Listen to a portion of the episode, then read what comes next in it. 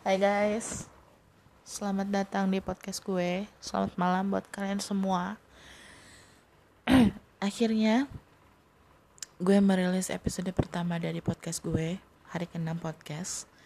Gue seneng banget, karena akhirnya gue punya media untuk bisa menyalurkan pikiran-pikiran random gue tentang hal-hal yang terjadi sama gue atau hal-hal yang terjadi di sekitar gue akhir-akhir ini gitu jadi gue punya media untuk menceritakan ini semuanya. Anyway di episode pertama biasanya kan orang-orang tuh nyeritain tentang uh, isu yang lagi hangat atau ngangkat tema yang bisa menarik banyak pendengar gitu. Tapi gue tidak akan melakukan itu karena tujuan gue murni untuk bisa mencurahkan perasaan gue gitu dalam bentuk podcast. Ada atau enggaknya pendengar nantinya gue nggak terlalu uh, memusingkan itu ya. Di mana adanya ada pendengar ya gue bersyukur. Artinya ada orang yang bersedia untuk mendengarkan ocehan gue. Sementara kalaupun nggak ada pendengar ya nggak apa-apa. Nggak masalah gitu. Yang penting tujuan gue tersalurkan dengan baik. Anyway, malam ini di episode pertama gue bakal nyeritain sesuatu yang terjadi uh, beberapa hari lalu.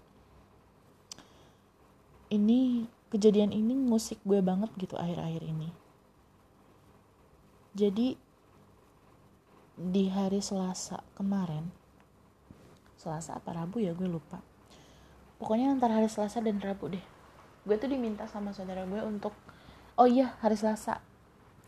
Gue diminta untuk nemenin sepupu gue pergi ke rumah sakit untuk meriksa matanya gitu untuk memeriksakan matanya memeriksakan matanya di poliklinik mata yang ada di rumah sakit gak jauh dari rumah gue gitu. Tapi karena lagi musim corona kan ya jadi rumah sakit tuh sepi banget jarang banget ada orang di rumah sakit gitu. Polikliniknya pun sepi.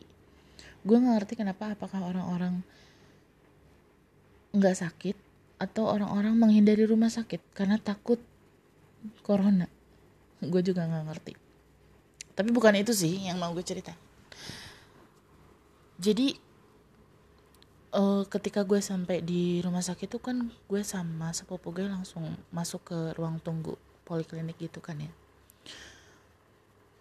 walaupun sepi tapi kami nungguin nungguin lumayan lama di situ. Uh, kami antri dari jam berapa sih waktu itu? Gue lupa. Pokoknya kami kerjaan kerjaan gue cuman main hp di situ terus uh, nunggu nunggu nunggu terus nungguin sepupu gue dipanggil di polimata gitu 15 menit kemudian. 15 menit berlalu maksud gue. 15 menit berlalu sejak dari gue datang ke uh, poliklinik itu ya duduk di ruang tunggu gitu. Ada seorang ibu-ibu. Nggak terlalu ibu-ibu sih seingat gue. Karena pakai masker juga ya jadi agak susah gitu mengenali orang belum terlalu ibu-ibu sih. Mungkin kalau diterka-terka tuh usianya baru 37 tahunan gitulah dia datang ke situ sama anak kecil. Mungkin umurnya sekitar 6 tahun. Cowok. Terus dia duduk di bangku tunggu tepat di seberang kita. Berdua. Di seberang gue sama sepupu gue. Tapi karena waktu itu gue lagi sibuk main HP jadi gue nggak terlalu memperhatikan si ibu dan anaknya ini ya. Gue juga nggak inget waktu itu dia daftar ke poliklinik apa gitu. Karena gue nggak memperhatikan itu. Tapi dia duduk di depan gue sama anaknya. Dari sejak datang si ibunya ini sibuk sama ponselnya.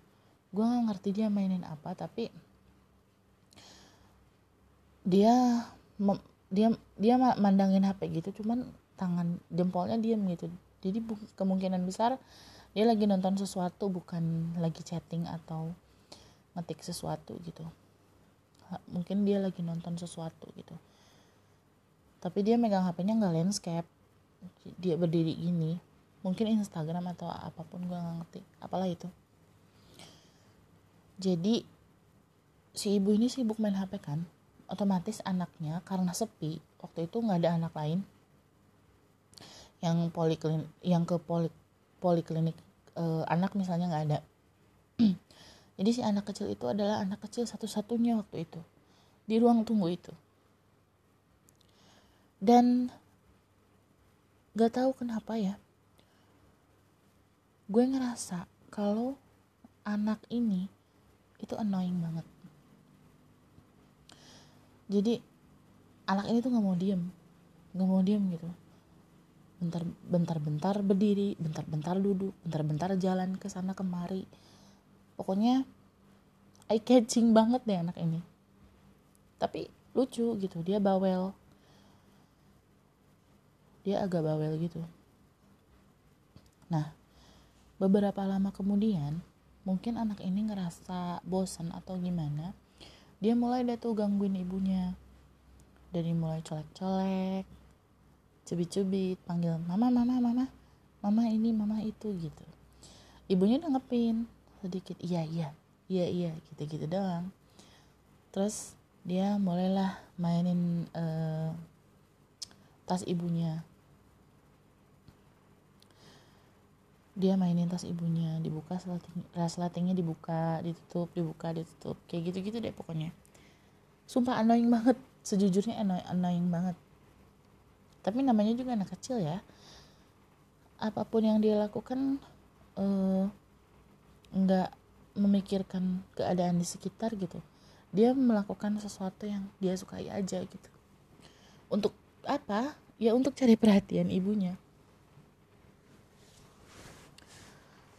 dia buka buka tutup buka tutup uh, tas ibunya gitu. Terus ibunya bilang eh diam duduk yang benar gitu. Masih halus halus. Kayak ibu-ibu pada umumnya gitu. Terus anaknya tuh buka tas ibunya ngambil barang HP HP smartphone tapi nggak terlalu nggak uh, sama lah kayaknya nggak terlalu nggak bukan nggak terlalu uh, kayaknya HP lama ibunya gitu deh. Jadi khusus buat nonton YouTube si anak itu kayaknya. Si anak si anak itu tuh buka eh bu ambil HP dari tas ibunya terus dia angkat-angkat gitu ke ibunya. Mah main ini ya mah kata ibunya iya sok. Iya sok. Main aja. Terus anak itu mulai main-main HP itu. Tapi dia bingung. Kayaknya sih kayaknya kayaknya HP-nya itu di uh, dikunci pakai password. Mulailah si anak itu ke ibunya lagi. Mah ini buka ini gimana mah mah buka ini gimana ibunya nggak dengerin beliau dengan santainya masih mainin HP. Terus anaknya uh, merengeknya makin kenceng. Mah, mah ini gimana deh mah? Mah, ini gimana mah? Mah, mama, mama. Nggak didengerin, tetap nggak didengerin. Kayak mungkin udah biasa kayak gitu kayaknya. Gue juga nggak ngerti. Dia nggak didengerin. Sampai dibuka maskernya. Mah mah ini gimana? Nadanya udah kayak gitu ya. Si anak udah mulai kesel kayaknya. Nggak dapat dapat perhatian dari ibunya.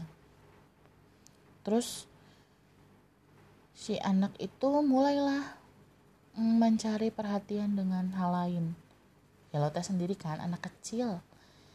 Kalau di kalau cari perhatian dengan cara ini nggak bisa dia cara cari cara lain yang lebih bisa menca uh, menarik perhatian orang kan?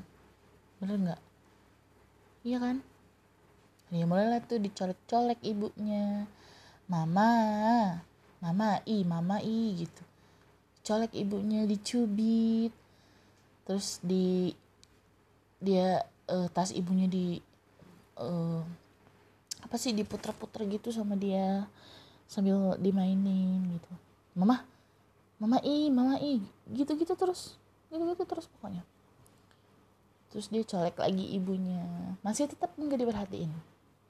Gue bingung mungkin mungkin emang udah kebiasaan kayak gitu sih anak ya annoying kayak gitu. Jadi ibunya udah biasa untuk mengabaikan dia. Mama i mama i gitu kan ya. Terus tiba-tiba dalam satu hentakan mata. Bukan hentakan mata kok hentakan mata sih? Dalam satu kedipan mata. Si ibu itu langsung apa sih dia mbak? Sambil dia comot comot jawil apa ya? Pokoknya dia tarik gitu mulut si anak sama masker maskernya sama masker maskernya ditarik gitu jauh di gitu. Ditarik gitu kayak dicubit mulutnya gitu di diambil gini terus ditarik gitu.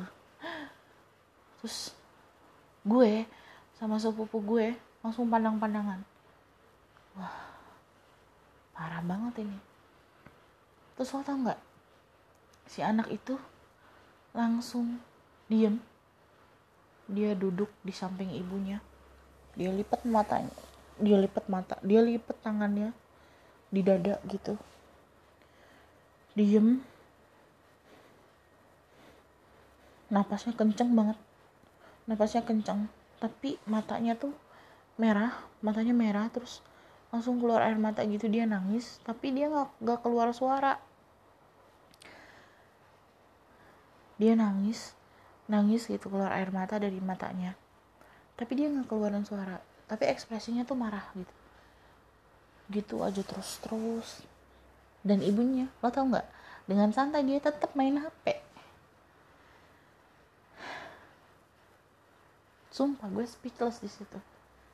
Gimana mungkin bisa ada orang orang tua yang memperlakukan anaknya kayak gitu gitu?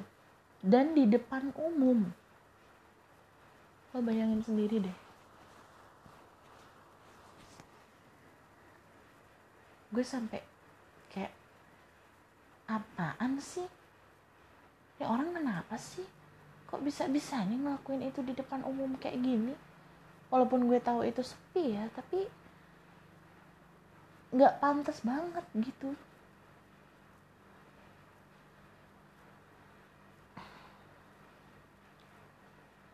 Kalau dia bisa ngelak maksud gue kalau dia bisa ngelakuin itu di ke anaknya di depan umum terus hal apa coba yang dia bisa dia lakuin? Kalau nggak ada orang kalau lagi nggak ada orang coba. Gue sampai mikir kayak ini orang pernah diapain sih dulu sama orang tuanya? Kok bisa kok bisa sih ngelakuin itu ke anaknya gitu? Itu tuh ditariknya kenceng banget guys. Gue sampai bingung sendiri ngelihatnya gak tega gue ngeliat anak itu digituin gitu. Dan ekspresi anaknya itu mengatakan kalau gue udah sering nih diginiin sama mak gue. Gue selalu begini nih mak gue ke gue gitu kayak dia udah biasa gitu disakitin kayak gitu sama maknya maknya tuh dan ah, ibunya tuh dan tanpa merasa bersalah gitu. Langsung main HP lagi. Like what's wrong with the world this day? Gue sampai bingung sendiri ngeliatnya gitu. Gue nggak tega. Gimana ya anak sekecil itu harus ngalamin disakitin sama ibunya di depan umum. Ya mungkin dia nggak terlalu paham soal rasa malu yang dia dapat dari tatapan orang-orang di sekitar dia gitu. Tapi nanti mungkin dia bakal sadar kalau dirinya tuh pernah dipermalukan sama ibunya sendiri gitu. Kayak sakitnya tuh bertubi-tubi. Udah jadi anak itu ya udah lo udah cari perhatian nggak diperhatiin nanya ini itu nggak dijawab. Terus tiba-tiba lo dihukum dengan cara seperti ini di depan banyak orang. Kebayang nggak? Nanti gedenya dia bakal jadi kayak apa coba? Gue bingung sendiri ngelihatnya kayak speechless gue gak ngerti gitu apa sih yang terjadi dengan dunia ini akhir-akhir ini? Kenapa begini? Kenapa gue harus ngelihat kejadian kayak gitu gitu? Di depan mata gue ada anak kecil sama ibunya sendiri. Mulutnya dijawil kayak gitu. Ya ampun. Apa sih gitu kan? Nih ibu-ibu pernah diapain sama orang? Kok bisa tega-teganya begitu gitu jadi udah jelas-jelas ya dari wajahnya udah gue udah ngeliat kalau anak itu nanti gedenya bakal kayak gimana. Sifat annoyingnya nggak bakalan hilang gitu. Kalau pola asuh ibunya kayak gitu. I mean maksud gue gini. Jadi kan uh, semua orang mungkin udah pada udah pernah denger ini ya. Jadi uh, pola asuh yang diterapkan sama ibu sama ibu sama seorang ibu. Waktu anaknya masih dalam masa pertumbuhan dari berapa tahun sih? Dari satu tahun kali ya? Satu sampai masa preschool gitu sebelum sekolah. Itu mempengaruhi karakter si anak. Pas si anak itu mulai memasuki usia bersosialisasi di mana dia bakal ke teman-teman baru masuk sekolah terus terus tumbuh tumbuh tumbuh dewasa. Nah karakter si anak di masa-masa pertumbuhan itu nantinya itu dipengaruhi oleh pola asuh yang diterapkan sama orang tuanya pas dia masih kecil. Nah kalau sekarang lo memperlakukan anak lo kayak gini mempermalukan dia nyakitin dia di depan umum udah bisa ketebak kan? Kayak gimana coba karakter anak itu nantinya? Dan pada saat ngelihat itu gue ngerti sih kenapa pas datang pas mereka berdua datang gue langsung merhatiin kalau si anak ini tuh annoying. Gue langsung ngerti kenapa anak itu annoying. Karena ya wajar pola asuh yang diterapkan sama ibunya keras begitu. Gue gak ngerti. Tapi semoga semoga aja anak itu nggak tumbuh seperti eh, nggak uh, tumbuh sesuai dengan pola asuh yang diterapkan sama ibunya. Mungkin dia nanti bisa menemukan hal lain yang bisa bikin dia bikin karakter dia lebih baik nantinya gitu. Walaupun sekarang gue tebak nantinya dia bakal tetap jadi orang yang annoying tukang cari perhatian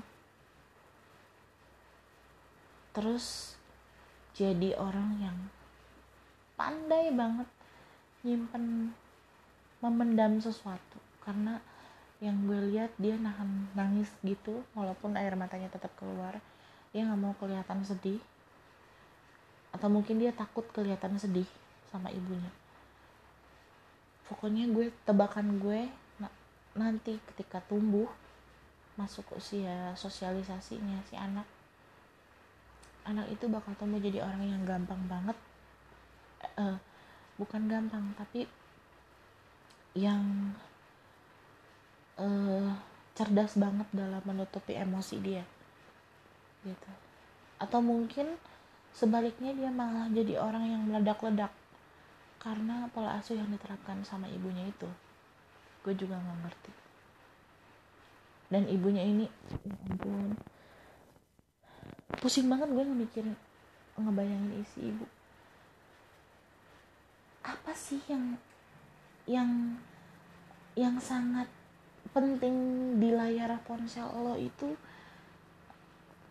apa hal apa yang paling pen, yang penting di layar HP lo itu? Sampai lo tega mengabaikan anak lo terus lo jawil karena ngerasa uh, uh, kegiatan lo memandangi layar ponsel itu terganggu sama anak lo sendiri gitu. Gue bingung di situ. Atau lo pernah disakitin siapa sampai tega ngelakuin itu ke anak lo tuh kenapa? gitu. Gue gak ngerti. Miris gue jadinya. Gue ngebayangin.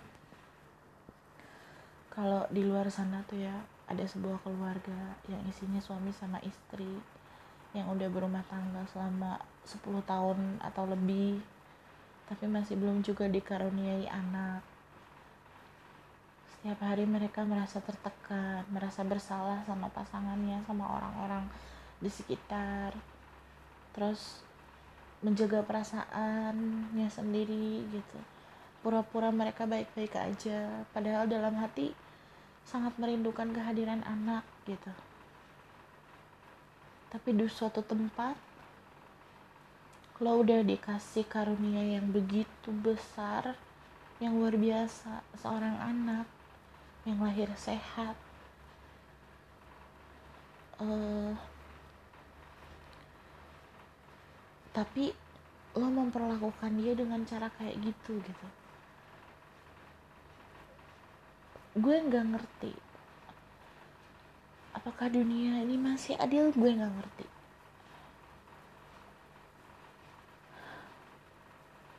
Yang jelas itu pemandangan yang bikin nyakitin mata banget gitu loh. Gue gak ngerti lagi. Gue harap sih anak itu baik-baik aja ya sekarang walaupun gue tahu mungkin kalau nggak ada action dari orang-orang sekitar pola asuh dari si ibu itu nggak bakalan bisa berubah. Dia tetap keras kayak gitu ke anaknya.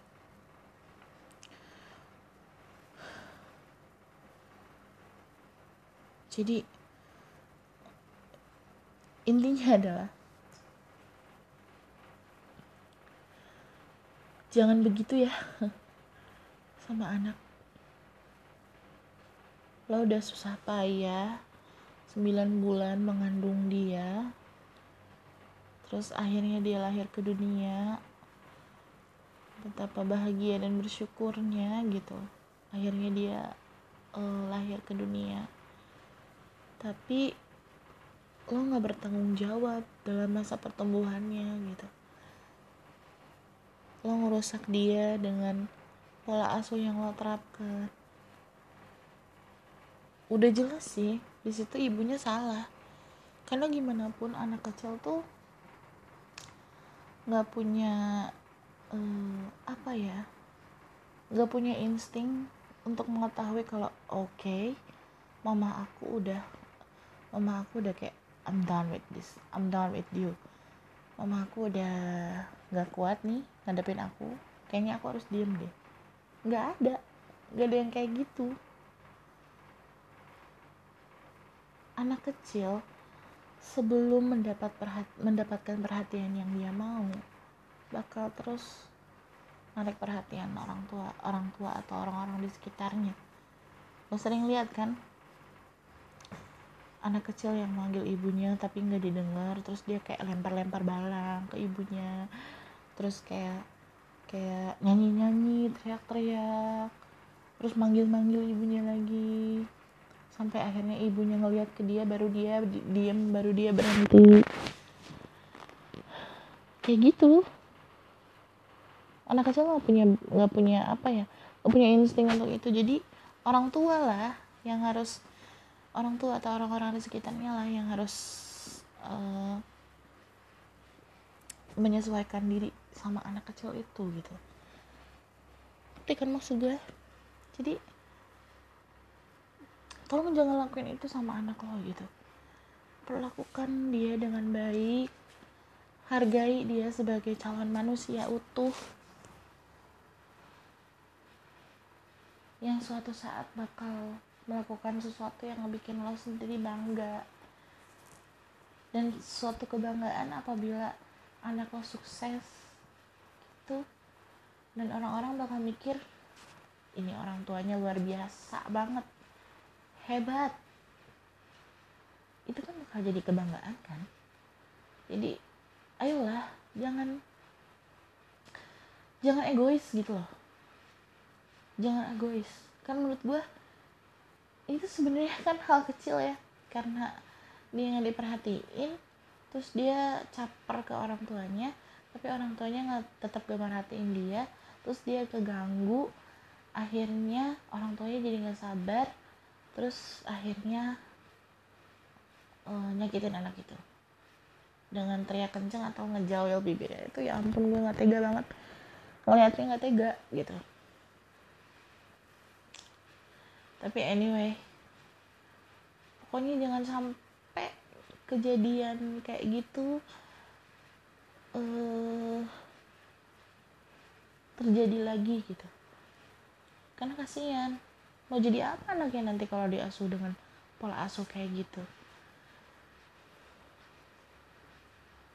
Gue nggak tega sumpah.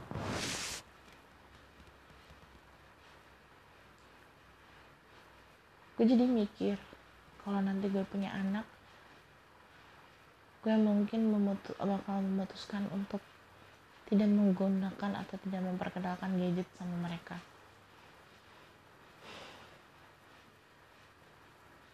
kecuali untuk hal-hal kayak pendidikan mereka atau sebagai uh, sumber uh, pengetahuan buat gue supaya gue bisa menumbuhkan anak-anak yang cerdas-cerdas nantinya yang bukan cerdas ya tapi dengan karakteristik yang baik gitu.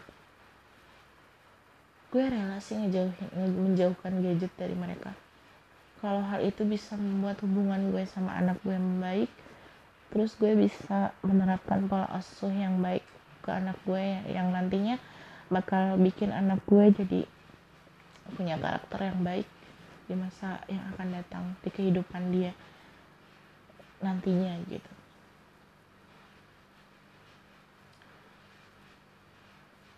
Sampai gue sampai akhirnya gue ngerilis podcast ini gue tetap mikirin itu. Kok tega banget gitu. Dia ngelakuin itu sama anaknya sendiri. Gue bener-bener gak ngerti. Tapi anyway kita kan gak tahu apa yang dialamin si ibu atau apa yang lagi diurus si ibu di ponselnya. Mungkin sesuatu yang sangat penting yang lebih penting dari anak gitu ya urusan hidup dan mati mungkin ya. Kita kan nggak tahu. Karena gue orang luar jadi gue cuma melihat hal itu sebagai hal yang tidak pantas untuk terjadi di tempat umum gitu. Karena gue hanyalah seorang netizen yang memperhatikan kejadian itu gitu. Dan nggak tahu ada kejadian apa di balik sifat atau perilaku si ibu ke anaknya itu anyway pokoknya jangan sampai kita nanti jadi orang tua kayak si ibu itu ya. Serem banget. Gue gak, belum bisa lupain kejadian itu deh. Sumpah. Gak ngerti gue juga. Oke. Okay. sampai di sini aja kali ya. Nanti kita ketemu lagi guys di hari ke-6. Jangan lupa